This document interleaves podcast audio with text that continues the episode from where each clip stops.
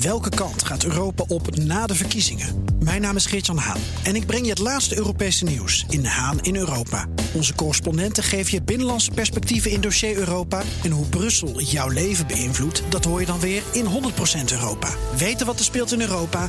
Luister naar de programma's van BNR. De column van Bernard Hammelburg. Steun onder de bevolking is de basis van het coronabeleid. Een snel groeiende meerderheid is van mening dat de pandemie is veranderd in een endemie, al is de wetenschap nog niet zo ver. Maar de protesten nemen toe en de marge waarbinnen regeringen, wetenschappers en de gezondheidszorg manoeuvreren wordt met de snelheid van het geluid kleiner. De ontwikkelingen in Canada zijn evenzeer een teken aan de wand als de razend populaire actie van Mona Keizer. In Canada, waar de vaccinatiecampagne met ruim 84% goed is geslaagd, barstte totaal onverwacht de protestbom in Ottawa. Vrachtautochauffeurs, woedend over de vaccinatieplicht bij transporten naar de Verenigde Staten, trokken massaal naar de hoofdstad, blokkeerden overal het verkeer en begonnen een toeterconcert dat nooit meer leek te stoppen. Er waren meer truckers dan politieagenten en dus kondigde de burgemeester de noodtoestand af. Het was inmiddels niet meer een demonstratie, maar een bezetting.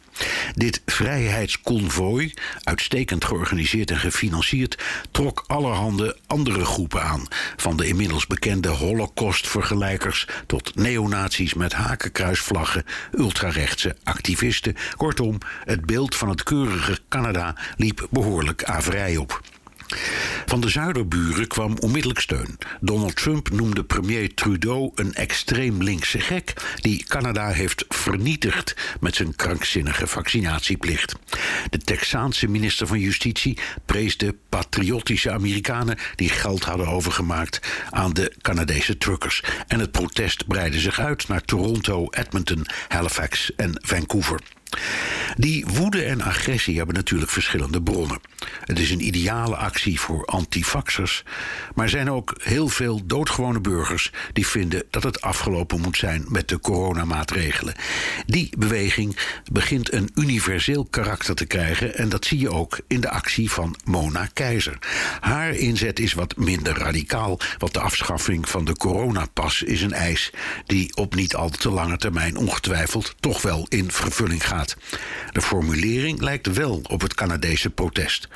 Overal gaat de maatschappij weer open, behalve in bedwetersland Nederland. Tekenend is, behalve de honderdduizenden Nederlanders die haar petitie tekenen, een peiling die het Dagblad van het Noorden hield over de vraag of ze gelijk heeft. 79% van de deelnemers vond van wel.